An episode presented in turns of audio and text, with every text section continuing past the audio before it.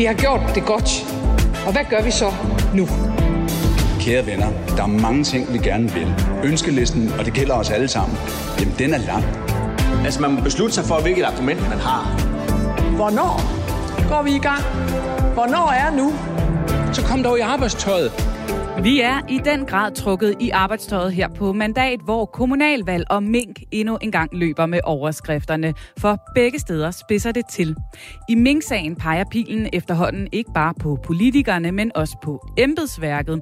Flere fortæller, hvordan de udmærket vidste, at der ikke var nogen lovhjemmel til at aflive alle mink i Danmark, så hvorfor i alverden sagde de ikke noget? Det er meget svært at forstå. Det går vi ned i i dagens udgave af Mandat. Og så løber vi altså ind på opløbsstrækningen i kommunalvalgkampen. Vi skal både tale med dem, der suser afsted med overskud i benene og forventninger om at slå den personlige rekord. Jeg ser positivt frem til valget, eller hvad man nu kan sige som politiker. og med en af dem, som ikke længere har så mange at følges med, og for hvem det måske mest af alt handler om at gennemføre. Det er jo ikke at sende et signal om, at vi ønsker dig held og lykke med valgkamp. Man skal nok gå alle sammen. Det er jo ikke det signal, man sender. Det, det, det, det kan alle jo se. Du har tændt for Radio 4's politiske magasin Mandat. Jeg hedder Pernille Rudbæk og styrer slagets gang sammen med politisk redaktør Thomas Larsen den næste times tid. Velkommen indenfor. Thomas, vi starter altså lige med at kigge på hende, der hele to gange har sat sig på primetime tv-tiden hjemme i øh, de danske stuer den seneste uge, nemlig statsminister Mette Frederiksen. For måske sad man sidste onsdag klar i sofaen til at se et øh, afsnit Kender du typen på DR1, men i stedet så rullede det her over skærmen. Så ja, øh, der kan være råd en finke af panden, og mere end det. Lev med det. Lev med det. Altså, det, det er som om, at den kollektive hukommelse er allerede ved at gå en lille smule tabt. Og så igen mandag aften, den her uge klokken 8, lød det sådan her. Smitten skal ned, sundhedsvæsenet skal kunne følge med. Det kræver, at der er flere i Danmark, der bliver vaccineret. Ja, Thomas. Et pressemøde om sms-sagen, og så bagefter et pressemøde om coronasituationen. Hvad er det for en Mette Frederiksen, vi har set optræde ved de her to pressemøder? Jamen, det var en uh, Mette Frederiksen i to vidt forskellige udgaver, udgaver, for at sige det mildt. Altså, den ene og den første, der handlede om uh, de slettede sms-beskeder, øh, var jo et pressemøde, der fandt sted nok i regeringens største uh, politiske krise til dato. Og der så vi en Mette Frederiksen, der var sjældent trængt, og som havde svært ved at finde sin form, som kommunikerede uh, uklart i perioder, også med store udsving. Det ene øjeblik lidt selvretfærdighed, uh, var det det, der var kendetegnet, og det næste øjeblik, kan man sige, der uh, appellerede hun om, om forståelse. Altså en usikker statsminister. Og så kan man sige, det andet, øh, det andet pressemøde, der så vi hende i hendes vante rolle næsten som en coronageneral, der går ind og kommer med nogle ret præcise budskaber til befolkningen om, hvad skal der ske nu for at takle den næste fase af coronakrisen. Så det var virkelig altså mellem, øh, det var nat og dag, øh, der var en afgrund mellem de to øh, typer, vi så her. Og synes du, det lykkedes for hende i mandag så at ryste det her lidt øh, vævrende, slette med det image af sig og virkelig genindtage rollen som hele Danmarks coronageneral? Nej, det mener jeg ikke. Og dertil er altså sagen om de slettede sms-beskeder og hele Ming-sagen simpelthen for alvorlig. Og vi kan også se, at øh, skadevirkningerne har været meget store. Vi kan se, at Socialdemokratiet begynder at falde i meningsmålingerne. Vi kan også se, at de målinger, der handler om, hvordan Mette Frederiksen står, kan man sige, personligt, politisk, øh, om folk synes, hun er troværdig, om hun er populær osv., der begynder hun også virkelig at, at tabe terræn. Så den her sag, den har haft ret store omkostninger, og den kommer også til at påvirke altså hele slutspurten i den kommunale øh, valgkamp, og jeg tror, en af grundene til, at det også er gået så galt for Mette Frederiksen, var simpelthen, at det pressemøde, hvor hun så kom med sine egne forklaringer på, hvad der var sket, kom alt for sent. Så er der jo flere, der har været ude og sige, at øh, det i hvert fald var, om ikke meget, øh, hvad kan man sige, rent spænd, så i hvert fald meget belejligt for hende, at hun kunne indkalde til det her øh, coronapressemøde, og på den måde i hvert fald forsøge at flytte fokus lidt væk fra Mink og sms-sagen. Og når man kigger på, hvad hun så kom med på pressemødet, så var hun jo ikke ude i at lukke hele Danmark ned. Det var jo nogle meget sådan begrænsede restriktioner, der i virkeligheden øh, kom frem på pressemødet. Var der alligevel en grad af spænd i at køre pressemødet så relativt stort op? De stod der fire mennesker i, i prime time og talte til hele Danmark jo. Jeg har et andet, en anden tilgang til det her, fordi jeg mener rent faktisk, at det er de sociale mediers øh, debatkultur og til vis grad også giftighed, der stiger sig ind i den politiske debat øh, her, øh, hvor der så trives på de sociale medier, altså mange konspirationsteorier, der er mange påstande, der fyrer rundt i luften uden at være øh, underbygget og, og dokumenteret. Fordi det er klart, du har selvfølgelig ret i, Pernille, at det kan jo hjælpe øh, statsministeren på en korte bane at træde frem som et samlingspunkt igen og fortælle, hvordan vi nu skal prøve at takle øh, coronakrisens næste faser. Men hvis man ser sådan helt fagligt på, de, øh, på det forløb, der førte op til pressemødet, så var det jo sådan, at landets eksperter, altså i stigende antal og med stigende alfor øh, i stemmeføringen, simpelthen sagde, at det her, det går ikke. Altså, der er simpelthen for mange tegn på, at øh, coronakrisen, den er i gang med at brede sig igen. Altså, mange smittede, øh, flere indlagte osv., der skal gribes ind nu. Det var den entydige appel, der kom, og den bliver en statsminister selvfølgelig nødt til at reagere på. Man skal jo heller ikke tage fejl af. Så sjovt et budskab var det jo heller ikke for statsministeren at komme med, fordi rent faktisk så er der mange danskere, der er trætte over, at man skal i gang med endnu en kamp mod den her elendige virus. Men spændende eller ej, så, øh, og også selvom at budskabet måske ikke var det sjoveste at levere, så er alt andet lige sjovere for hende at tale om det, end om sms. Lykkedes det for hende at flytte fokus? Nej, altså som sagt, øh, sms-sagen, den kører, Mink-sagen kører, der kommer nye afsløringer frem øh, hele tiden, og så tror jeg altså også, man skal have med, at der er virkelig en, en verden til forskel nu også for Mette Frederiksen, når hun træder ind i rollen som den, der skal føres gennem øh, øh, øh, coronakrisens næste fase, fordi da hun første gang tog lederskabet på sig meget, meget resolut og konsekvent, øh, der var det jo også en, en, en, en opskræmt befolkning på mange måder, der, der, der ønskede at få et pejlemærke, der var enorm usikkerhed, hvad var det for en sundhedsmæssig krise, vi stod overfor, og derfor var der jo også en enorm lydhørhed i forhold til de ting, som statsministeren sagde. I dag, der er der en anden træthed, nogle steder næsten udmattelse over, at nu skal man i gang med det igen. Så det er en helt anden situation, som statsministeren står i nu, når hun skal kommunikere.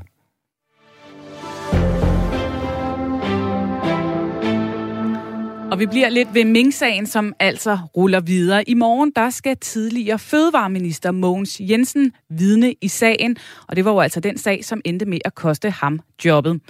Vi ved allerede nu, at hans egen departementschef Henrik Studsgaard udmærket vidste, at der ikke var lovhjemmel til at aflive alle mink i Danmark.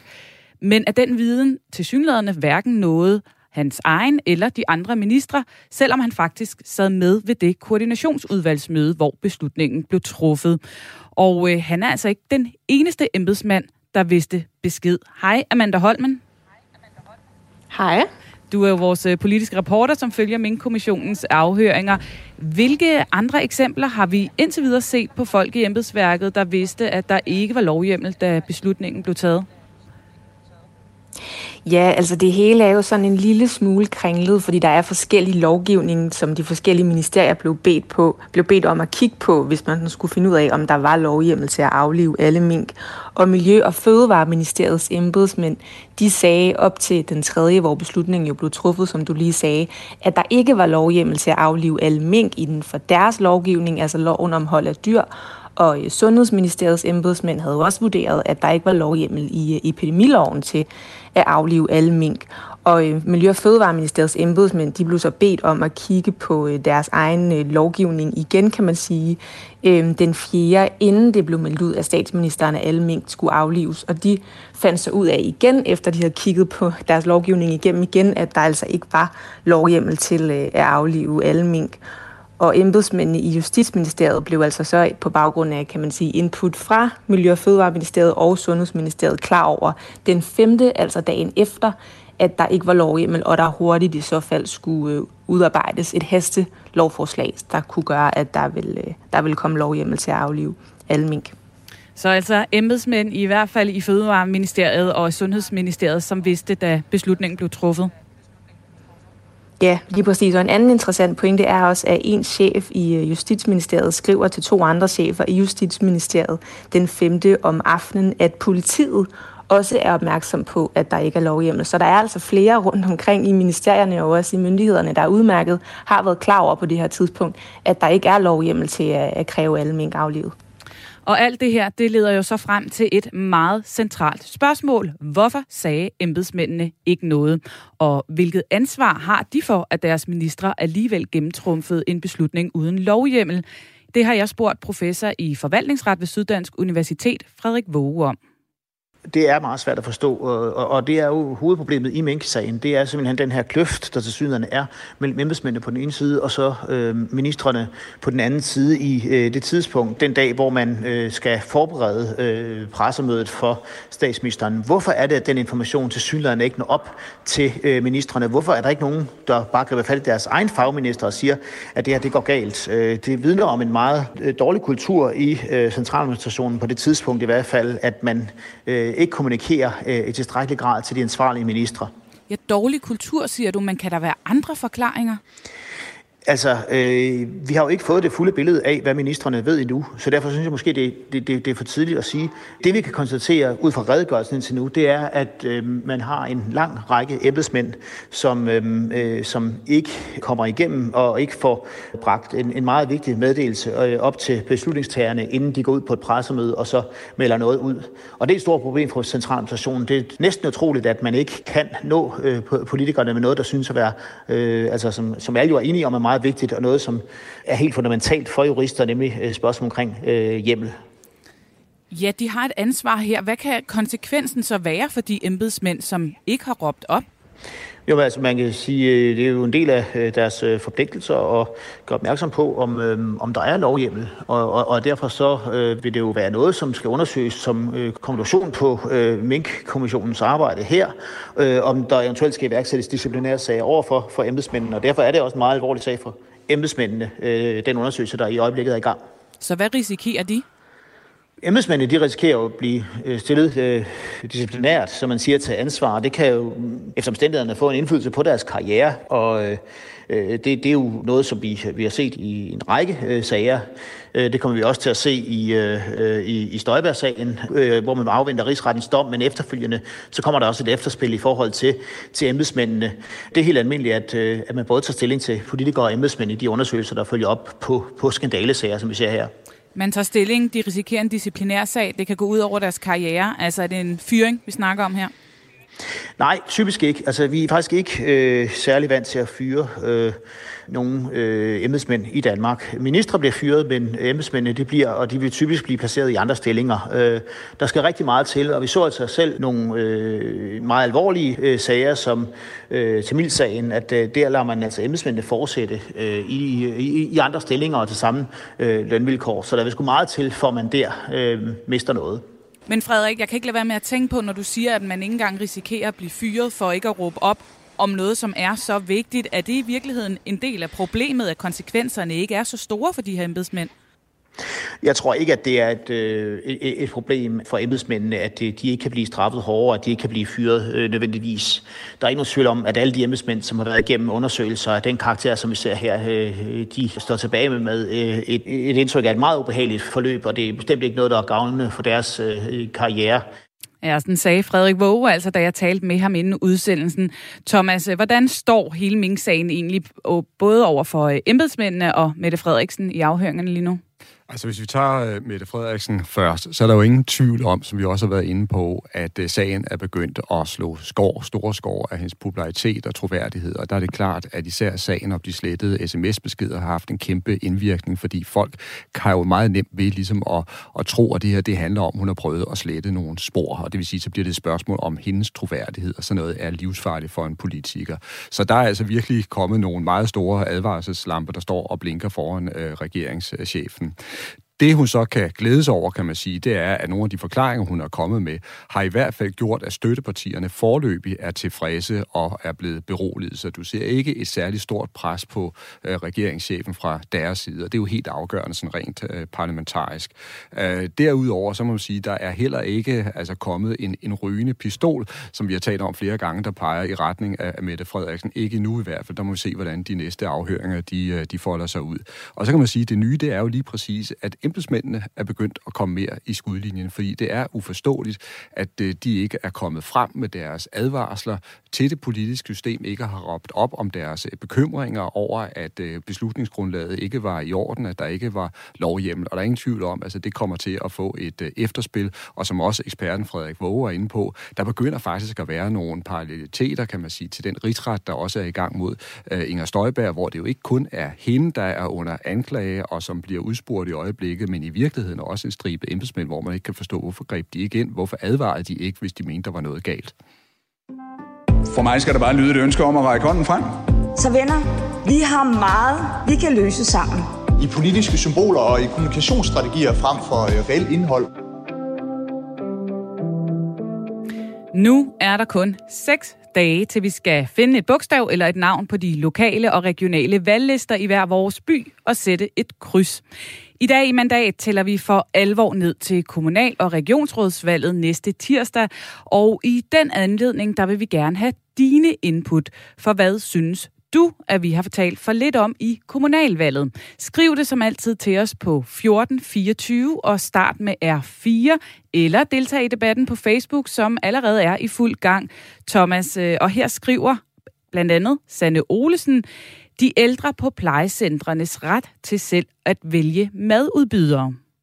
Jamen, det er en meget interessant øh, pointe, fordi inden at øh, minkskandalen og inden hele sagen om de slettede sms-beskeder kom til at og, skal vi sige, fylde alt i medielandskabet, der var der faktisk mange, der havde forudset, at en stor del af den kommunale valgkamp, den ville netop komme til at handle om ældres forhold, også deres forhold på, på plejecentre, og også muligheder for at kunne vælge øh, frit, øh, og simpelthen få, få flere valgmuligheder. Og det var faktisk sådan, hvis vi kigger lidt til, tilbage her Øh, tidligt på, på øh, efteråret, som jo allerede øh, virker som om det er en evighed siden, der kom det ene politiske parti efter det andet med store ældreudspil, og det var virkelig den dagsorden, der skulle fylde. Det var der sådan set ret bred enighed om. Sådan er det ikke nu. Dog er der altså den forskel, hvis man så ser på de lokale medier, der er der altså sådan nogle ting her, der kommer til at, at, at fylde og bliver debatteret, og, og på den måde, så kan man sige, så lever det lokale øh, demokrati øh, med fokus øh, på, på det nære. Men ser vi på de nationale medier, der har der stået mink, der har stået sms'er all over. Men lokalt er ældreområdet altså traditionelt set et, et vigtigt emne ved en kommunal valgkamp. Så er der øh, Christine Simonsen Nielsen, hun skriver Ring 5 og transportkorridorer nej til Ring 5. Det er altså planer om øh, øh, en ny motorvej øh, omkring øh, blandt andet København og, og kommunerne omkring. Og det er jo også et meget godt billede, at på den måde så virker kommunalpolitikken heldigvis stadigvæk. Altså der er det de nære ting, det er, hvor skal en vej ligge, hvilken svømmehal skal bygges, hvor skal den placeres henne, og så videre. Altså de ting, der, der kan gå ind og, og påvirke en kommunal øh, valgkamp. Og det er jo vigtigt, for det er netop de nære spørgsmål, som man som vælger kan være med til at påvirke med sin, øh, med sin stemmeafgivning. Øh, og dermed, der er kommunalpolitikken også et helt andet sted end landspolitikken. Ja, fuld fart på øh, kommunalvalget i dagens udsendelse, hvor vi altså også har været forbi Mink-sagen og embedsmændenes rolle i den. Om lidt skal vi se på øh, to partier, der kan skimte henholdsvis flere borgmesterkæder og gedine vælgerlusinger i horisonten. Og øh, endelig får vi endnu en politisk redaktør i studiet til at give dig det store slutspurtsoverblik. Du har tændt for mandat på Radio 4. I studiet er politisk redaktør Thomas Larsen, og jeg hedder Pernille Rødbæk. Ja, mens byråderne har travlt med at dele flyers ud og deltage i debatter, så krydser partierne på Christiansborg fingre. Nogen for at vinde endnu flere borgmesterposter end ved sidste valg, og andre for ikke at tabe alt for mange. Vi tager fat i en af hver i dagens udsendelse, og vi starter med et parti, der satser på flere borgmesterkæder. København skal være verdens bedste børneby, med masser af plads til at lege og udfolde sig, også selvom vi bor tæt. Hvis jeg bliver borgmester i Kolding Kommune, vil jeg arbejde for, at det bliver det bedste sted for vores børn. Jeg ved, at vi bor et fantastisk sted på Danmarks kort, men det kan selvfølgelig blive endnu bedre. Jeg hedder Sigurd Agersnap, og jeg er spidskandidat for SF til kommunalvalget her i Lyngby Torbæk. Ja, sådan lyder et par af SF's håbefulde byrådskandidater, og der er grund til at tro på det, hvis man kigger i målingerne. Ved sidste kommunalvalg, ja, der fik partiet 5,5 procent af stemmerne, men i en ny måling, som Kantar Gallup øh, for få dage siden har lavet for Berlingske, der står partiet den her gang til at ligge på omkring 8,7 procent af stemmerne. Så hvordan skal den her vælgerfremgang omsættes til kommunal magt? Det tog jeg mig en snak med partileder Pia Olsen Dyr om på hendes kontor i går. Og jeg spurgte hende om, hvor mange byer SF gerne vil kunne skrive på borgmester-CV'et. Jeg håber, vi kan sætte kryds ved flere, end vi har i forvejen. Vi har jo en på Langeland, øh, så har vi en borgmester i København, en rødmand i Odense og en i Aarhus. Og jeg håber sådan set, at vi kan lægge nogen til. Hvor mange, det må tiden vise. Jeg synes, jeg har læst din næstformand sige, omkring syv stykker vil være inden for rækkevidde. Er det også der, du ligger? Ej, jeg vil aldrig sætte tal på. Øh, vi må se, hvad det udvikler sig til, fordi man skal jo ikke undervurdere det at lave konstitueringer ude i kommunerne. Så kan det jo gå til mange veje, man slet ikke havde drømt om. Selv steder, hvor man står virkelig stærkt, så kan de andre alliere sig rundt om en. Så jeg plejer bare at sige, at øh, fordi vi går så meget frem, så forventer jeg sådan set også, at vi får flere borgmester, og vores folk er dygtige derude til at konstituere sig. Ja, for lige præcis det her med konstitueringerne, det er jo ret afgørende, og vi har jo hørt fra et parti som konservative, at de virkelig sætter alt ind på at omsætte vælgerfremgang i konstitueringerne til nogle øh, borgmesterposter. Er det samme strategi, I ligger for dagen? Ja, bestemt. Og jeg har også anbefalet mine folk at gå efter en borgmesterpost, fordi når man først har den, så kan man jo lave rigtig meget politik med den. Og nogle af de SF'er, der findes derude, er jo mangeårige byrådsmedlemmer har rigtig meget øh, erfaring, som jeg synes, de skal bruge til at blive borgmester. Jeg kan jo for eksempel nævne Kirstine Bille i Syddjurs, som jo er tidligere borgmester, har sikret sig det tidligere en konstituering. Hun kunne være et mulighed på en ny borgmester på Syddjurs, men det afhænger altså meget af konstitueringerne. Og er det noget, I sidder klar til at hjælpe med herinde på Christiansborg, så I kan vejlede og guide og hjælpe på vej, når konstitueringerne de skal finde sted derude? For vi ved jo, at alt kan ske. Altså for det første skal man jo ikke være i tvivl om, at der bliver indgået mange aftaler før valget. Men det afgørende er jo så også, når øh, valgaften oprinder, at de konstitueringer øh, aftaler holder, og derudover kan der jo ske noget i løbet af natten. Det har vi jo set tidligere rundt omkring i hele, øh, ja, hele Danmark. Øh, og der hjælper vi selvfølgelig vores folk. Hvordan? Jamen det er med råd og vejledning. Det kan også være, at øh, vi kan tale med nogle af partierne herinde, hvis vi har en bedre forståelse af en eller anden landspolitisk, øh, men ofte så er det noget med, sådan de har fået et råd, hvordan skal vi lige håndtere den her, eller de spørger om hjælp, øh, fordi de er i tvivl om, om kan man det som SF'er? Øh, SF'erne er også nogle meget ordentlige mennesker, de vil være sikre på, at, at det de gør er godt nok. Så hjælper I dem til lige at få lidt mere spidse albuer? Ja, eller stå fast på det, der er deres ret, øh, og ikke lade sig køre over.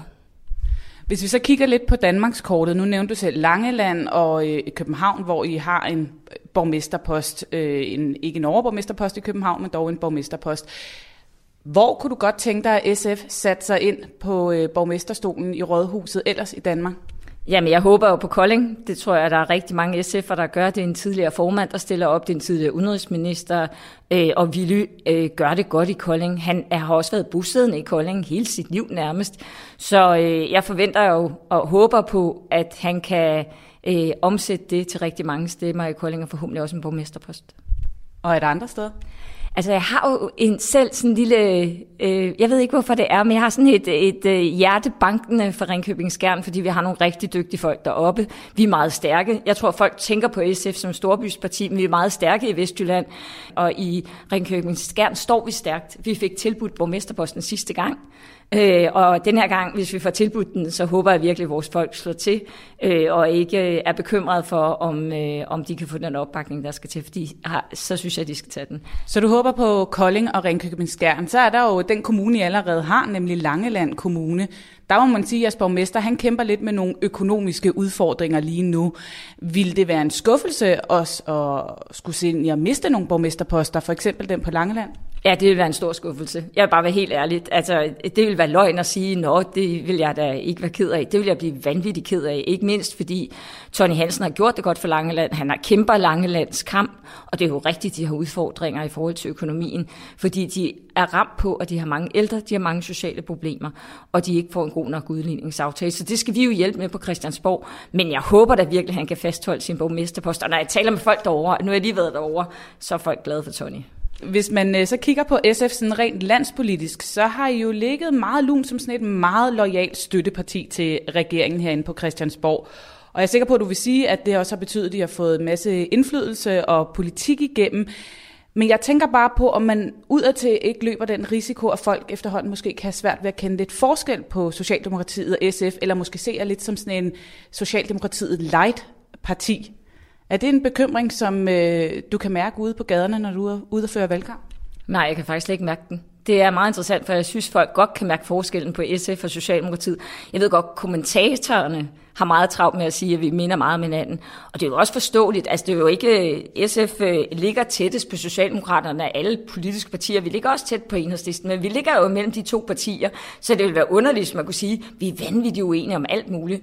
Men når jeg spørger Pia Olsen Dyr, så er det jo også fordi, at øh, man kan jo sige, at I lang tid er fløjet med på en øh, meget stabil og succesfuld regering, der har ligget rigtig godt i meningsmålingerne, men hvor at der nu er en minksag, som øh, måske begynder at sætte sit aftryk i de meningsmålinger, vi ser. Øh, der var en meningsmåling for nylig, hvor øh, Blå Blok måske for første gang øh, kunne se ud til at blive større end Rød Blok. Er du bekymret for, at øh, det også kommer til at drøbe lidt på SF, øh, den krise, som øh, jeres øh, regering befinder sig i? Nej, det er ikke. Og, og det interessante er jo normalt, når Socialdemokraterne går op i målingerne, så går SF ned. Det har ikke været tilfældet under corona, hvilken jeg synes har vist, at vi faktisk har kørt en selvstændig linje. Og nu kan man jo så diskutere de der målinger. SF, øh, Socialdemokratiet knækker i hvert fald, men SF holder sig faktisk stadigvæk højt. Du lyder meget sikker og meget tryg ved, at det her det skal nok gå godt. I har store forventninger til, at øh, I skal øge antallet af borgmesterposter. I ligger godt i meningsmålingerne. Det kan vel næsten kun blive en skuffelse så? Øh, nej, det kan det ikke. Øh, jeg synes, det har været helt fantastisk at føre den her valgkamp. Nu har jeg prøvet at føre rigtig mange valgkamp. Det skal man ikke være i tvivl om. Jeg har prøvet valgkampe, hvor det har været træls. Det er næsten som om vejret har været meget værre, end det er lige nu, og det tror jeg faktisk ikke, det har været, men det var virkelig hårdt at stå på gaden, hvor øh, jeg kan opmærke en, he- mærke en helt anden begejstring omkring SF. Øh, når vi kommer ud, står der rigtig mange kandidater. De vil gerne på gaden, de tager et ekstra slæb, og det tror jeg gør, at øh, det kommer til at gå SF rigtig godt. Men altså, man ved det aldrig før selve valgdagen, så øh, det eneste, jeg kan gøre, det er at opfordre danskerne til at komme op og stemme. Men du har det nogenlunde roligt i maven? Jeg er i hvert fald, øh, øh, jeg, jeg ser positivt frem til valget, eller hvad man nu kan sige som politiker. Ja, Thomas, vi hører næsten en Pia Olsen Dyr her, der sådan skal beherske sig lidt for ikke at virke sådan alt for begejstret og, og sejrsikker på forhånd. Men hvad er det egentlig for et øh, kommunalvalg, som SF ser ind i her? Jamen, det er et kommunalvalg, hvor de har mulighed for at tage et vigtigt og stort skridt frem, og jeg synes, der er mange forudsætninger for det. Altså landspolitisk, der ligger SF godt. Øh, de er steget i, i målingerne til et øh, nyt øh, mi, mi, hvad skal vi sige, niveau. Pia Olsen Dyr er en respekteret og populær partileder. Hun er omgivet af dygtige og, og kloge folk og har sådan ret altså harmonisk folketingsgruppe. Og så ved man jo godt, at det er ikke sådan, at fremgangen landspolitisk slår igennem et til et ude i kommunalpolitikken. Men det hjælper jo alligevel, at partiet er på vej frem. Og derudover, det skal man altså også huske at have med, så har SF rent faktisk en ret solid og stærk altså landsorganisation, også med mange øh, trænede kandidater rundt om i landet, og med folk, der bakker op. Det er guld værd. Så på den måde, så tror jeg altså rent faktisk, at, øh, at de har mulighed for at lave nogle, nogle landvindinger, der bliver meget vigtige for partiet.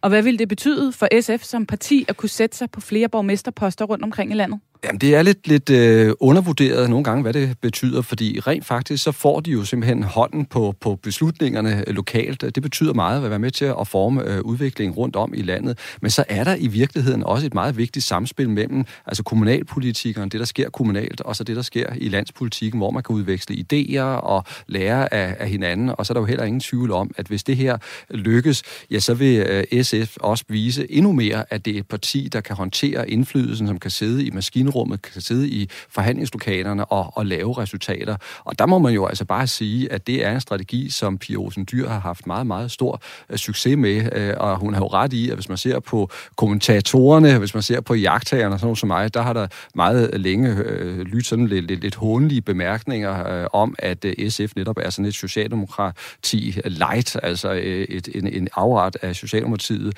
øh, og man har sagt, at SF ikke har en selvstændig profil. Men man må bare konstatere, at vælgerne derude, de er altså tilfredse med det, de ser og det, de får. Og på den måde, så har hans strategi været en succes. Og fra et øh, optimistisk SF, der skal vi nu se nærmere på et øh, parti, der helt åbenlyst har indrømmet, at succes ved kommunalvalget for dem, det er at begrænse skadernes omfang, nemlig Dansk Folkeparti. De interne magtkampe i moderpartiet, det kan mærkes langt ud i baglandet, hvor byråderne altså nu fører valgkamp, og ikke mindst for en af hovedpersonerne selv, nemlig Martin Henriksen, der lige nu kæmper for en plads i byrådet på Stævns. I sidste uge blev Martin Henriksen fyret som konsulent for partiet på Christiansborg, efter at han igen havde talt med medier om konflikten mellem ham og Pia Kærsgaard efter det dramatiske årsmøde. Vores politiske reporter Amanda Holmen, hun har været en tur på Stævns for at snakke med Martin Henriksen om, hvordan det egentlig er at føre valgkamp, når man er sådan lidt i bad standing i partitoppen. Du har kaldt fyringen for en svinestreg. Kan du uddybe, hvorfor du mener, det er en svinestreg? Jeg synes, det er jo rimeligt. Øh, altså, jeg kan, jeg kan ikke... Øh, jeg, kan, jeg kan ikke se, øh, hvilken begrundelse, altså seriøs begrundelse, der skulle være for, øh, for fyring. Altså, der var jo nogen, der øh, op til, øh, til årsmødet, det kan man jo gå tilbage og se det, er jo ikke, er jo ikke fordi de laver ikke ligefrem skuld på det, som jo prøvede at, at, at ødelægge mit valg til, til, til hovedbestyrelsen. Øhm, og jeg tager det her som udtryk for, at der er også nogen, der ønsker at ødelægge mit valg til, øh, til kommunalvalget.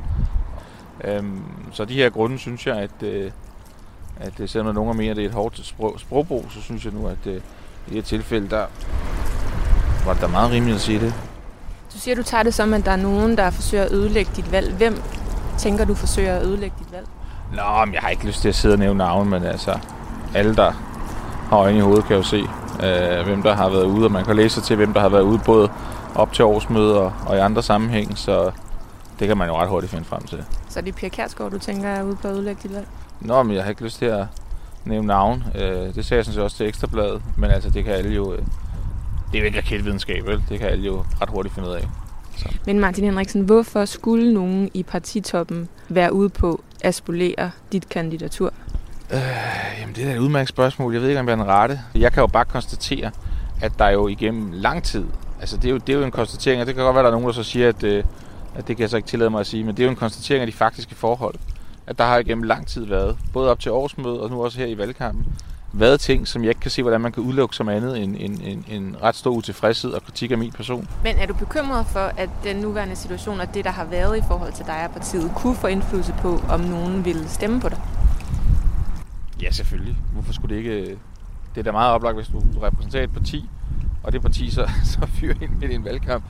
Så, så hvis der er nogen, der så har overvejet at stemme på det parti, så kan det da godt være, at de tænker, Hvor, hvorfor nu det? Hvorfor gør de det? At det, det, det? Det er jo at sende et signal. Det er jo ikke at sende et signal om, at vi ønsker dig held og lykke med valgkampen, man skal nok gå alle sammen. Det er jo ikke det signal, man sender. Det, det, det, det kan alle jo se. Øhm, så det kan da godt påvirke, men, om, om, men det kan da også godt påvirke en anden retning, at der er så nogen, der siger, at øh, om det skal de så ikke sidde på Christiansborg og bestemme. Øhm, så den vej kan det jo også påvirke. Og hvordan er det, fordi ja, nu siger du, at øh, altså, du er jo også rundt, kan man sige, på gader og stræder og repræsenterer Dansk Folkeparti, et parti, som så har fyret dig fra dit job på Christiansborg. Hvordan er det? Det er mærkeligt. Øh, det skal jeg ikke lægge skjul på. Og det er også et parti, jeg har været medlem af i, øh, i 20 år. Og derfor er det selvfølgelig, kan man sige, et, et, et øh, ekstra øh, ubehageligt, at det så kommer øh, på det her tidspunkt. Men føler du dig uønsket i Dansk Folkeparti af partitoppen? Ja, det, det, det, det, øh, det er min oplevelse. Det er det. Så hvordan er det at føre valgkamp for en partitop, som man ikke føler sig ønsket af? Men jeg fører ikke valgkamp for partitoppen. Jeg fører valgkamp for de medlemmer, som, øh, som har valgt mig til spidskandidater. Jeg fører valgkamp for de andre kandidater, som stiller op hernede.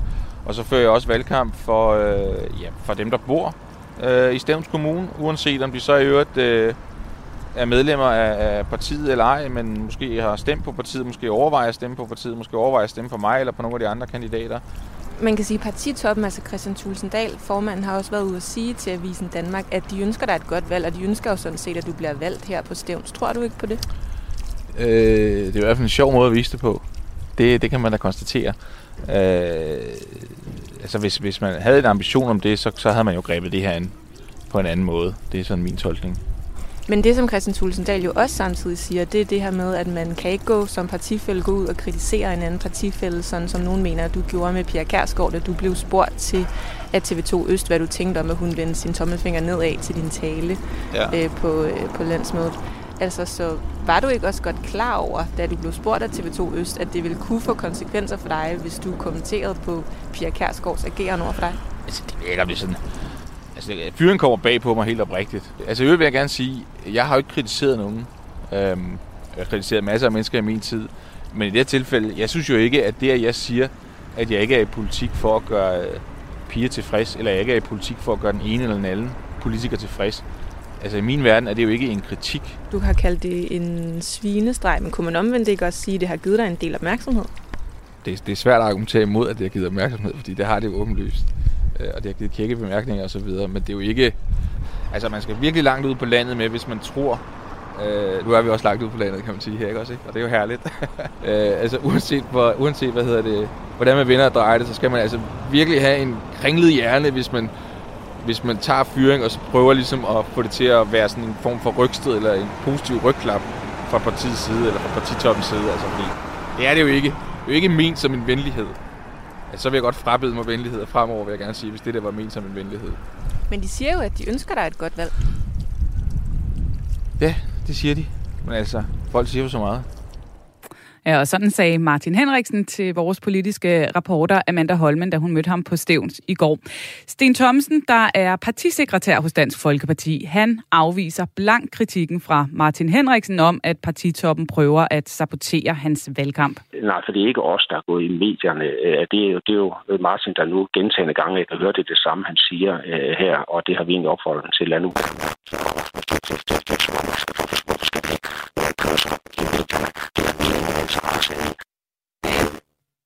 Der var lige en løs forbindelse, tror jeg, her i studiet. Men Martin er Ved du hvad, jo... Vi prøver lige at spille det her klip en gang til. Jeg tror, der simpelthen var en ledning, der lige gik lidt løs. Vi prøver igen. Nej, for det er ikke os, der er gået i medierne. Øh, det er jo, det er jo Martin, der nu gentagende gange kan høre det det samme, han siger øh, her, og det har vi egentlig opfordret ham til Lad nu være med. Og, og det, det, det, det er som om, altså, hvorfor, hvorfor skal det øh, køres op i medierne? Det har vi ingen interesse i. Men Martin er åbenbart frustreret, og der synes vi, at i stedet for at, at dele frustrationerne med, med medierne, så fokusere på valgkamp. Ja, så fik vi hørt det fulde svar fra øh, Sten Thomsen, altså partisekretær i Dansk Folkeparti. Thomas, øh, vi har også hørt Christian Thulesen Dahl være ude at sige til Avisen Danmark, at han håber, at Martin Henriksen han bliver valgt på Stævns. Gør partitoppen virkelig det? Ej, jeg tror, der lige nu er meget delte meninger om Martin Henriksen. Der er stadigvæk dem, der godt øh, kan lide ham, og som øh, mener, at han er en dygtig politiker, men der er bestemt også dem, der er meget trætte af at se med deres øjne, han bliver ved med at tale konflikten op i, i partiet, og ikke ligesom strøger øh, sand på nu og prøver at, at, at komme videre. Og på den måde er det jo meget symptomatisk altså for den situation, som Dansk Folkeparti står i lige nu, hvor man simpelthen ikke altså, kan finde sammen og ikke kan finde fælles fodslag. Ja, hvad er det for en valgkamp, Dansk Folkeparti står med her? Jamen, jeg synes på mange måder, så er Martin Henriksen jo symptomatisk øh, for den, fordi han har jo selv altså oplevet øh, det store fald, som øh, partiet har været øh, igennem og har gennemlevet. Altså, han var øh, for ret kort tid siden i virkeligheden en af partiets helt afgørende profiler, altså en af dem, man så i, i medierne, som repræsenterede partiet, øh, solgte øh, partiets politik, kan man sige, til, til vælgerne, øh, stod øh, solidt plantet på øh, et af partiets aller, aller vigtigste øh, områder og mærkesager, nemlig udpul- øh, udlændingepolitikken. Det var der, han var, kan man sige, ordfører. Og nu, øh, der kæmper han jo simpelthen for sit politiske liv. Altså, han er blevet fyret på Christiansborg, og han kæmper for at, at, at, at blive valgt øh, nede øh, på Stævns. Så på den måde, så indrammer det jo ganske godt altså øh, partiets situation. Også fordi han jo så, mens han fører valgkamp, er i en form for, for krig med, med, med flere af, af de markante folk inde på, på, på Christiansborg. Og det er jo på mange måder det, der har kendetegnet hele øh, DF i den her kommunale valgkamp, at stort set alt er gået galt. Man har haft mere øh, fokus på at slås internt i forhold til at få lagt sin politik frem for vælgerne. Og det er også klart, altså med det tilløb øh, og den øh, slutspurt her frem til, til øh, valgdagen, så er der en meget stor risiko for partiet, øh, der går på, at man risikerer at få en, en øretæve, simpelthen en meget stor øh. Og det kan i værste fald igen set fra partitoppens øh, øh, side jo øh, ende med, at det øh, sætter gang i en kæmpe debat om, hvem har ansvaret for det, hvem har skylden for det. Øh, nu har Christian Thulesen Dahl fået øh, endnu et, et valgnederlag. Så det er altså et, øh, et parti, som helt overordnet har været igennem en enorm rutsjetur, altså fra succesens tinder og så nu til de dybeste dale, kan man sige. Politik handler også om at dele os efter anskuelser. Det var lige præcis det, jeg ønskede. Er vi klar til at gå hele vejen sammen, hvis vi kan blive enige? Slutspurten i kommunalvalget er sat ind, og nu kaster vi os ud i den helt store slutspurtsanalyse, så øh, vi opruster endnu en gang med endnu en politisk redaktør i studiet. Hej Kasper Dahl. Hej. Du er jo øh, politisk redaktør på Avisen Danmark, og som vi har erfaret her i programmet allerede, har du jo også en kæmpe forkærlighed for det her øh, kommunalvalg, og alle de små lokale dramaer, der venter lige om lidt. Du må gerne kalde mig nørd. Vi kalder dig bare Det okay. kommunalvalgsnørd. Ja. Det er en fin titel. Inden vi lige øh, dykker ned i alle de her små øh, lokale opgør, der venter rundt omkring på Danmarks kortet, Kasper, så lad os lige blive lidt i helikopteren, fordi nu har vi jo været forbi både SF og Dansk Folkeparti. Men hvordan ser landskabet sådan helt overordnet ud her seks dage, før vi skal til at stemme? Der har jo blandt andet været en, øh, en ny meningsmåling fra Kantar Gallup, som... Øh, kunne tegnes til at blive lidt dårligt nyt for Socialdemokratiet. Jamen, som Thomas også har været inde på tidligere i, øh, i programmet, så øh, er der jo blevet en, en, en kamp om dagsordenen i hvert fald, fordi vi har jo selvfølgelig de 98 valg og de fem til regionsrådet, der kører ude lokalt, og hvor øh, rigtig mange lokale medier jo dykker ned i, hvad der er af, af spændende ting og sager der. Men det er jo ikke sådan, at vi rigtig har fået stampet en, en national valgkampsstemning op. Jeg mærker den i hvert fald ikke der, hvor, øh, hvor jeg befinder mig. Øh, der er det mere de slettede sms'er og, og coronaen, der, øh, der fylder, og, øh, og det kan jo sagtens øh, komme til at få en, øh, en betydning, når vi øh, rammer øh, valgdagen. Det bliver i hvert fald meget interessant at se, hvordan øh, stemmeprocenten den, den ender med at blive. Øh, synes jeg allerede nu godt, man kan starte en, en diskussion Altså, af. du tænker på, om den kunne blive lavere? Ja, simpelthen? altså om den simpelthen bliver lavere. Vi ved, at det er svært at få folk ud til, til kommunalvalg. Det ligger lavere end, øh, end folketingsvalg, men, men lige nu ser vi i hvert fald, at det er øh, de nationale dagsordner, der, der trækker de store overskrifter hos de landsdækkende medier. Det er også en svær størrelse at dække kommunalvalg fra et landsdækkende medie. Øh, hvordan er det, man dykker ned i, hvad der lige er særlig interessant i, i nogle enkelte kommuner. Der forsøger man jo at trække nogle store tendenser op. Men det har bare ikke rigtig været muligt at få sat en dagsorden, fordi der har været så hård kamp, og hvor øh, en statsminister i, øh, i massivt øh, modvind er, øh, er bare en god historie, og derfor naturligvis fylder. Thomas, hvilke partier er især udfordret af, at det er, er Mink-sagen, der er løbet med overskrifterne her? Jamen, det er klart, det er Socialdemokratiet, altså, som står i en helt anden øh, situation, og det er svært at spå om, altså, hvilken præcis effekt det vil få, altså hvor hårdt det vil ramme øh, partiet. Men det, man jo kan konstatere med fuldstændig sikkerhed, det er, at hele den her nøje planlagte politiske dagsorden, som Mette Frederiksen har stillet op, både landspolitisk, men i virkeligheden også kommunalpolitisk, med de udspil, der kom centralt fra, hele den dagsorden, den er faret af bordet, og nu har det handlet om hendes slettede sms-beskeder, og det er simpelthen selvfølgelig i sig selv et kæmpe problem for hende, for partitoppen, og også de lokale kandidater. Jeg har også hørt, når de går rundt på gaderne, altså så bliver de lidt drillet med de her uh, slettede sms'er, så det er simpelthen kommet en torpedo ind i Socialdemokratiets uh, valgkamp uh, lokalt uh, også. Tror du, så man det her, til at se det ved Ja, så det her triumftog, som der i en eller anden forstand var lagt op til, og hvor Socialdemokratiet kunne udbygge sin altså, vanvittigt stærke position i kommunalpolitikken, det bliver sådan lidt mere vakkelvogn nu, tror jeg. Så er der jo øh, det valg, som øh, vi jo faktisk taler helt utroligt lidt om, nemlig øh, regionsrådsvalget. Og jeg kan sige, at der er flere øh, kandidater til det her regionsrådsvalg, der har meldt sig på banen øh, blandt vores lytter. Blandt andet på vores øh, Facebook-side, hvor øh, Brian Højer, som øh, altså er kandidat ved regionsrådsvalget, har skrevet, at når jeg står på gademøder, oplever jeg flere gange dagligt, at vælgerne ikke aner, at RV21 findes. Hvorfor fylder det her regionsrådsvalg ikke mere, Kasper? Det er jo godt at høre, at kandidaterne trods alt er i live derude og, og bidrager i, i debatten, og det er jo måske også meget sigende, at de er nødt til at gøre så meget aktivt for, at vi, øh, vi taler om det. Det er jo det hemmelige valg, og vi må også bare være ærlige og sige, at det er ikke et super interessant valg. Meget af det er givet på forhånd, hvem der bliver øh, formand i de enkelte øh, regionsråd. Det virker til, at det allerede kommer til at matche det, vi kender i, i dag med fire socialdemokrater og en, og en venstre kvinde i, i Region Syddanmark. Øhm, partierne prioriterer det heller ikke selv. Altså, det er også nogle lidt sløve øh, kandidater, der bliver øh, stillet op fra, øh, fra Christiansborgs øh, side. Øh, det er ikke øh, A-kæden, de, øh, de rykker ud med, når der skal laves øh, lister til regionsrådsvalg. Der er vi noget længere nede i, i gelederne og finde nogle, øh, nogle kandidater, der har lyst til at tage den, øh, den chance på sig. Og så er vi måske også helt tilbage ved dengang, man, øh, man etablerede regionerne, altså at man ikke gav dem mulighed for at udskrive øh, skatter eksempelvis, altså at man havde et meget afgrænset, veldefineret øh, område til dem, men hvor de er dybt afhængige af, at de kan komme ind og, øh, og forhandle noget, øh, nogle penge, noget magt øh, med øh, Christiansborg-politikerne, når de laver den årlige aftale med den til enhver tid siddende øh, finansminister.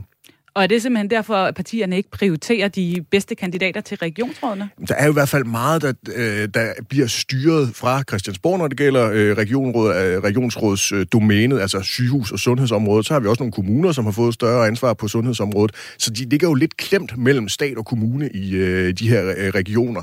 Og det kan i hvert fald være en af årsagerne til, at det, det ikke er et valg, vi hører super meget om. Og vi jo heller ikke i dagligdagen, hverdagen, hører ret meget om, hvordan det går. Selvfølgelig, der har været lidt i Region Hovedstaden, men det har jo meget været om problemer i forhold til at få øh, akuttelefonen til at virke, i forhold til at få øh, 112 til at, øh, at virke. Øhm, og det er jo meget paradoxalt. Vi ser ind i en øh, sundhedskrise. Vi ser nogle sygeplejersker, der har øh, konfliktet og strækket. Øh, vi har stadigvæk en diskussion om, øh, om vi overhovedet har et sundhedsvæsen, der kan klare de her forskellige virer, der vælter ind over os i den her øh, vinter. Øhm, så det er paradoxalt, at vi ikke hører mere om det. Men, men jeg synes også, der er noget af ansvaret, der ligger på, øh, på kandidaterne og partierne selv, til at stable nogle, noget mere slagkraftigt øh, mandskab øh, op og nogle, nogle, øh, noget mere politik ind i det simpelthen. Ja, det her paradoks, du taler om, Thomas, det skulle jeg lige til at spørge om, fordi vi har jo øh, så sent som i dag øh, set øh, opråb for sygeplejersker, der vil strække, pressede jordmøder, og egentlig bare den ene advarsel efter den anden fra sundhedsvæsenet, som føler sig totalt i knæ. Hvordan kan regionsrådspolitikerne så ikke fylde mere i valgkampen? Det kan altså være meget svært at forstå. Jamen, det er et kæmpe paradoks, og jeg deler fuldstændig Kaspers analyse. Det er simpelthen grundlæggende øh, absurd, at i en tid, hvor netop sundhedsvæsenet altså står i, i centrum af en stor del af den politiske øh, debat, øh, og hvor der er altså kæmpe øh, udfordringer, der skal løses, og hvor det jo i øvrigt også er sådan, at øh, både regeringen, men altså også flere af, af de afgørende partier, er kommet med store udspil til, hvordan vi skal indrette fremtidens sundhedsvæsen og skabe større nærhed i det, større sammenhæng i det, så er altså netop øh, regionsrådspolitikerne pist forsvunden. De er simpelthen ikke til at få øje på øh, stort set. Og det kan jo også undre lidt, hvis man bare skruer tiden lidt tilbage, fordi vi skal faktisk ikke længere tilbage end til januar 2019, hvis jeg husker korrekt. Det tror jeg, jeg gør, hvor Lars Løkke Rasmussen jo faktisk kom med sit forslag til en stor sundhedsreform, og hvor han var klar til simpelthen at kappe regionerne væk. Altså sige, det er i virkeligheden et unødvendigt lag, vi har indbygget i det danske øh, sundhedsvæsen. Vi kan godt leve uden, vi kan virkelig få et bedre sundhedsvæsen, mente han. Og man kan jo roligt sige, at det var en vogn med en vingstang op, at han synes i hvert fald ikke, at de udfyldte deres rolle. Og så kunne man måske nok godt have troet i forhold til den her valgkamp, vi står midt i, altså havde de meldt sig på banen, og så havde det regionale fyldt mere, men det gør det ikke så er der jo heldigvis masser af andet drama, vi kan dykke ned i rundt omkring i kommunerne, Kasper. Jeg ved, mm. du har en, en lang liste med byer, mm. hvor du synes, det bliver voldsomt interessant at, at følge med i de der kommunale dramaer. næsten 98 kommuner på den liste der. I prioriteret rækkefølge. Ja, lad, os, lad os starte lidt øh, op i øh, din top 10. Mm. Så øh, sidst du var i studiet, der talte vi om Kolding og Frederiksberg, men hvilke andre sådan, lokale dramaer øh, er der under opsejling her øh, frem mod valgdagen på tirsdag? Det fede ved at være sådan en kommunalvalgsnørd, det er jo, at man næsten hver dag får øh, nye kommuner på, øh, på radaren, hvor der er øh, spændende øh, dramaer, hvad enten det så handler om øh, parti, partipolitik øh, på, på kryds og tværs, eller bare personintriger. Øh, det charmerende ved kommunalvalg er jo, at man kan have øh, kandidater fra øh, helt ud på hver sin fløj, der så er naboer, og derfor lige pludselig godt kan arbejde sammen, fordi de er vant til at, at snakke om, hvordan de skal klippe hækken og, øh, og lignende. Og det gør bare, at det er sindssygt sjovt og interessant. Så er der selvfølgelig nogen, hvor vi øh, ved allerede fra seneste kommunalvalg, at der øh, nok er øh, spændende dramaer i, øh, i vente. Et af dem, der var meget øh, interessant at følge øh, sidste gang, det var Slagelse Kommune, hvor vi havde Socialdemokraten John Dyrby Poulsen, der var tidligere folketingsmedlem, der stillede op og gerne ville være øh, ny borgmester i, øh, i Slagelse Kommune. Han øh, fik så efter nogle dage indgået en øh, fantastisk konstitueringsaftale med øh, de øh, røde partier og Liberal Alliances ene øh, byrådsmedlem, Willem Christensen, som han også var folketingsmedlem på daværende tidspunkt, og de lavede så en, en meget ejendommelig aftale om, at man skulle øh, dele borgmesterposten efter øh, to år. John Dyrby skulle starte, og så skulle Willem Christensen så overtage den. Jeg synes ikke, jeg har set Willem som borgmester endnu. Nej, det endte så øh, med at løbe helt ud i sanden af mange forskellige øh, årsager, som vi ikke skal trætte lytterne med, men, men det, det viste sig i hvert fald, at det handlede om, at der var et ufatteligt dårligt samarbejdsklima i øh, Slagelse Kommune det er ikke mit indtryk, at det samarbejdsklima er blevet vanvittigt meget bedre i løbet af de fire år, selvom der sikkert har gjort en, øh, en ihærdig indsats for det. Og det betyder, at vi i hvert fald kan se frem til, at der også er masser af stridigheder i det øh, nye byråd, der bliver samlet næsten uagtet, hvordan vælgerne i Slagelse Kommune de øh, sætter det sammen. Ja, hvordan kommer man videre oven på sådan en øh, dramatisk valgkamp ved sidste valg, og så nogle turbulente år, der har fulgt? Altså, hvad, hvad skal der til i Slagelse for, at de kan lande det her? Det bliver i hvert fald spændende at se, om øh, John Dyrby, den siddende borgmester, er lykkes med at lave nogle øh, øh, nogle gode revkager på forhånd, altså have fået nogle solide, håndfaste aftaler med sine kolleger om, at øh, man konstituerer sig øh, omkring ham. Det jeg næsten forestille mig, at han har været i gang med et godt stykke tid. Og som ikke går ud på at dele borgmesterposten, måske? Ej, det, jeg tror ikke, man går tilbage til den, øh, den løsning der. Det var vist en, øh, en once-in-a-lifetime-oplevelse, de havde der. Øh, hvilke andre byer har du ellers på listen? Jamen, nogle af dem, hvor man kan kigge igen tilbage til 17, og, og hvor det var særlig interessant, og hvor der gik lang tid. Normalt så ser vi jo, at konstitueringsaftalerne de bliver indgået i løbet af valgnatten, og offentliggjort så hurtigt som muligt, fordi så får man øh, budskabet ud, og hvis der så er nogen, der kunne finde på at springe i den her periode, indtil der er det konstituerende møde i det nye byråd, så er det jo i hvert fald deres øh, troværdighed, dem der springer øh, fra aftalen, der er, er på spil. Så det er med at få aftalerne ud med det samme. I Katamene Kommune, der gik der også noget tid, før det var, de øh, formåede at få en, øh, en aftale, der konstituerede involveret øh, Kasper Eising Olesen, øh, Socialdemokraten i, øh, i den kommune. Og det magiske tal i Kataminde, det er 13. og øh, der stod altså en, øh, en venstremand, den derværende borgmester, øh, som øh, endte med at være, være tunge på, øh, på vægtskolen der, og han tippede så over til, øh, til Socialdemokraten, i stedet for at gå med den konservative kandidat, som havde fået kæmpe fremgang ved, ved valget sidste gang. Og det betyder, at øh, netop den konservative fremgang fra, jeg tror det var fra øh, 1 til syv mandater øh, ved, ved valget sidst, at, betyder, at de konservative den her gang, med de landspolitiske øh, positive vinde fra Søren Pape Poulsen, øh, har store forhåbninger til, til Kærteminde den her gang. Og Kærteminde er øh, kendetegnet ved, at der faktisk ikke er noget parti, der har øh, lykkedes at øh, genvinde borgmesterposten øh, i, øh, i den kommune. Så øh, det vil både være historisk, hvis øh, Kasper Eising Olsen han, øh, bliver genvalgt, og der er også øh, øh, en øh, konservativ kandidat, som meget gerne vil ind og vippe ham af pinden. Så også spænding i Kærteminde. Mm. Jeg kan da lige nå at tilføje, at øh, de her dramaer, du taler om mm. i Kærteminde og Slagelse, hvis man synes, det lyder vildt og spændende, så har vi jo faktisk en podcast her på kanalen, der hedder Kampen om kæderne, som blandt andet øh, præcis afdækker dramaerne i de her to kommuner ved sidste kommunalvalg. Du har flere på listen, Kasper, og vi kan altså godt nå i hvert fald en mere. Så synes jeg, vi skal rykke til øh, Jylland. Der har vi øh, to kommuner, hvor Socialdemokraterne har øh, særlig stor interesse øh, den her gang. Det er Vejle og Esbjerg. Der havde de øh, gode valg sidste gang, og de håber jo, at øh, de venstreborgmestre, der blev øh, valgt i de to kommuner, måske kan lide lidt under, at øh, Venstre på landsplan øh, ikke ser for godt ud, og at øh, Socialdemokratiet selvfølgelig med øh, sms-sagen en mente måske kommer til at få en, øh, en lille fremgang. Der går nok lige inden for, jeg kan ikke huske, om det var i dag eller i går, været en, en meningsmåling i, øh, i Vejle Kommune, Kommune, der viser, at, at den uh, siddende borgmester, uh, Jens Arne Christensen, stadigvæk står til at få et, øh, et godt valg. Men det er i hvert fald to kommuner, hvor Socialdemokratiet har store forhåbninger om at prøve at se, om de kan konstituere sig til uh, borgmesterposter. Uh, og det vil være nogle, nogle store sejre for, uh, for partiet, hvis det lykkes at få nogle, nogle gamle bastioner uh, tilbage uh, i den socialdemokratiske folk. Så også spænding i det jyske på mm. både den ene og den anden side øh, af, af kysten, havde jeg sagt. Ja, og vi kan også godt rykke nordpå. Der har vi Vesthimmerland Kommune, hvis ja. jeg lige må sige lidt om den. Fordi ja, det er jo det er jo en dejlig kommune. Det er ikke så mange, der kender den. Øh, hovedbyen, som de fleste kender, det er Lykstør. Øh, jeg tror, det er Aarhus, der er Rådhuskommunen. Øh, Øh, der har vi lige nu en, øh, en venstreborgmester. Det har tidligere været en konservativ kommune, og der har de konservative store forhåbninger den her gang også, hvor de har stillet en ung kvinde, Signe Nør, op, og der er også en SF, og nu havde vi jo Pia Olsen Dyr øh, i programmet tidligere, som jo ikke rigtig ville sætte kommuner på, sådan som jeg husker hendes interview, men, men Vesthimmerland er i hvert fald et af de øh, kommuner, som SF'erne kommer til at kigge på, hvor de har første viceborgmesteren, der hedder Teresa Berg Andersen, og hende vil de også meget gerne have kørt i spil som, øh, som kandidat til at vippe venstreborgmesteren af pinden.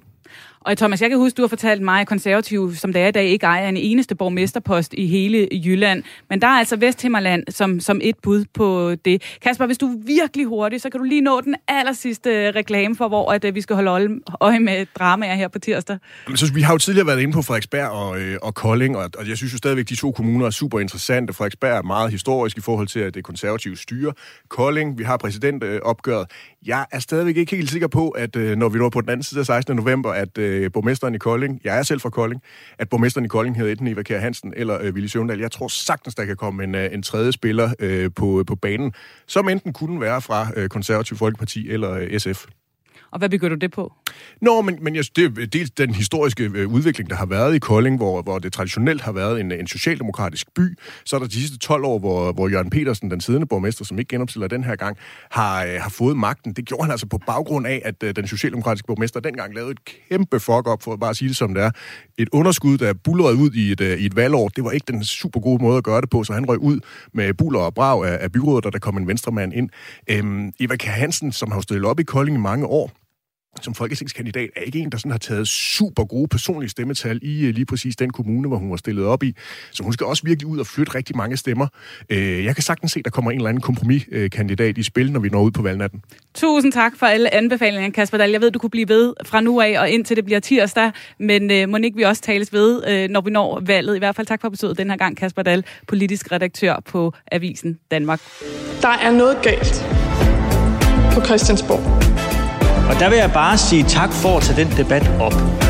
Nu skal vi finde den politiske vilje til forandring. Og når vi høres ved igen om en uge, så har vi jo alle sammen været nede og stemme, og derfor så bliver det altså også lidt anderledes i næste uge. Mandat, som du kender det, udgår. I stedet så sender jeg tre timers valgradio her på kanalen fra klokken 9 til klokken 12, hvor vi øh, skal følge op på resultaterne ved kommunal- og regionsrådsvalget. Og Thomas, du er selvfølgelig også med, ligesom du kommer til at være med på alle mulige andre tidspunkter i, i løbet af, af det her valgdøgn. Jamen, det er fuldstændig rigtigt. I de her afgørende øh, døgn, der kommer vi til simpelthen at køre stort set øh, uafbrudt, så jeg kan jo kun opfordre interesserede lyttere til simpelthen at stemple ind og være med her på Radio 4. Det bliver rigtig, rigtig spændende, og som også Kasper Dahl sagde, der er udsigt til så mange spændende opgør rundt om i landet. Ja, valgaften og valgmorgen klar til dig her på Radio 4 om en uges tid, og sidder du og mangler lidt inspiration til at komme sådan en rigtig kommunalvalgsgyser stemning, så vil jeg altså varmt anbefale dig at gå ind og podcaste vores specialserie Kampen om kæderne, hvor du altså kan høre om de vildeste og mest uforudsigelige valgkampe ved sidste valg, blandt andet i Slagelse og Kærteminde, som vi altså har talt om i dag. Mandat, som du kender det, er tilbage igen om 14 dage, men øh, jeg håber jo selvfølgelig, at vi også høres ved til valgformiddag om en uge på Genlyt.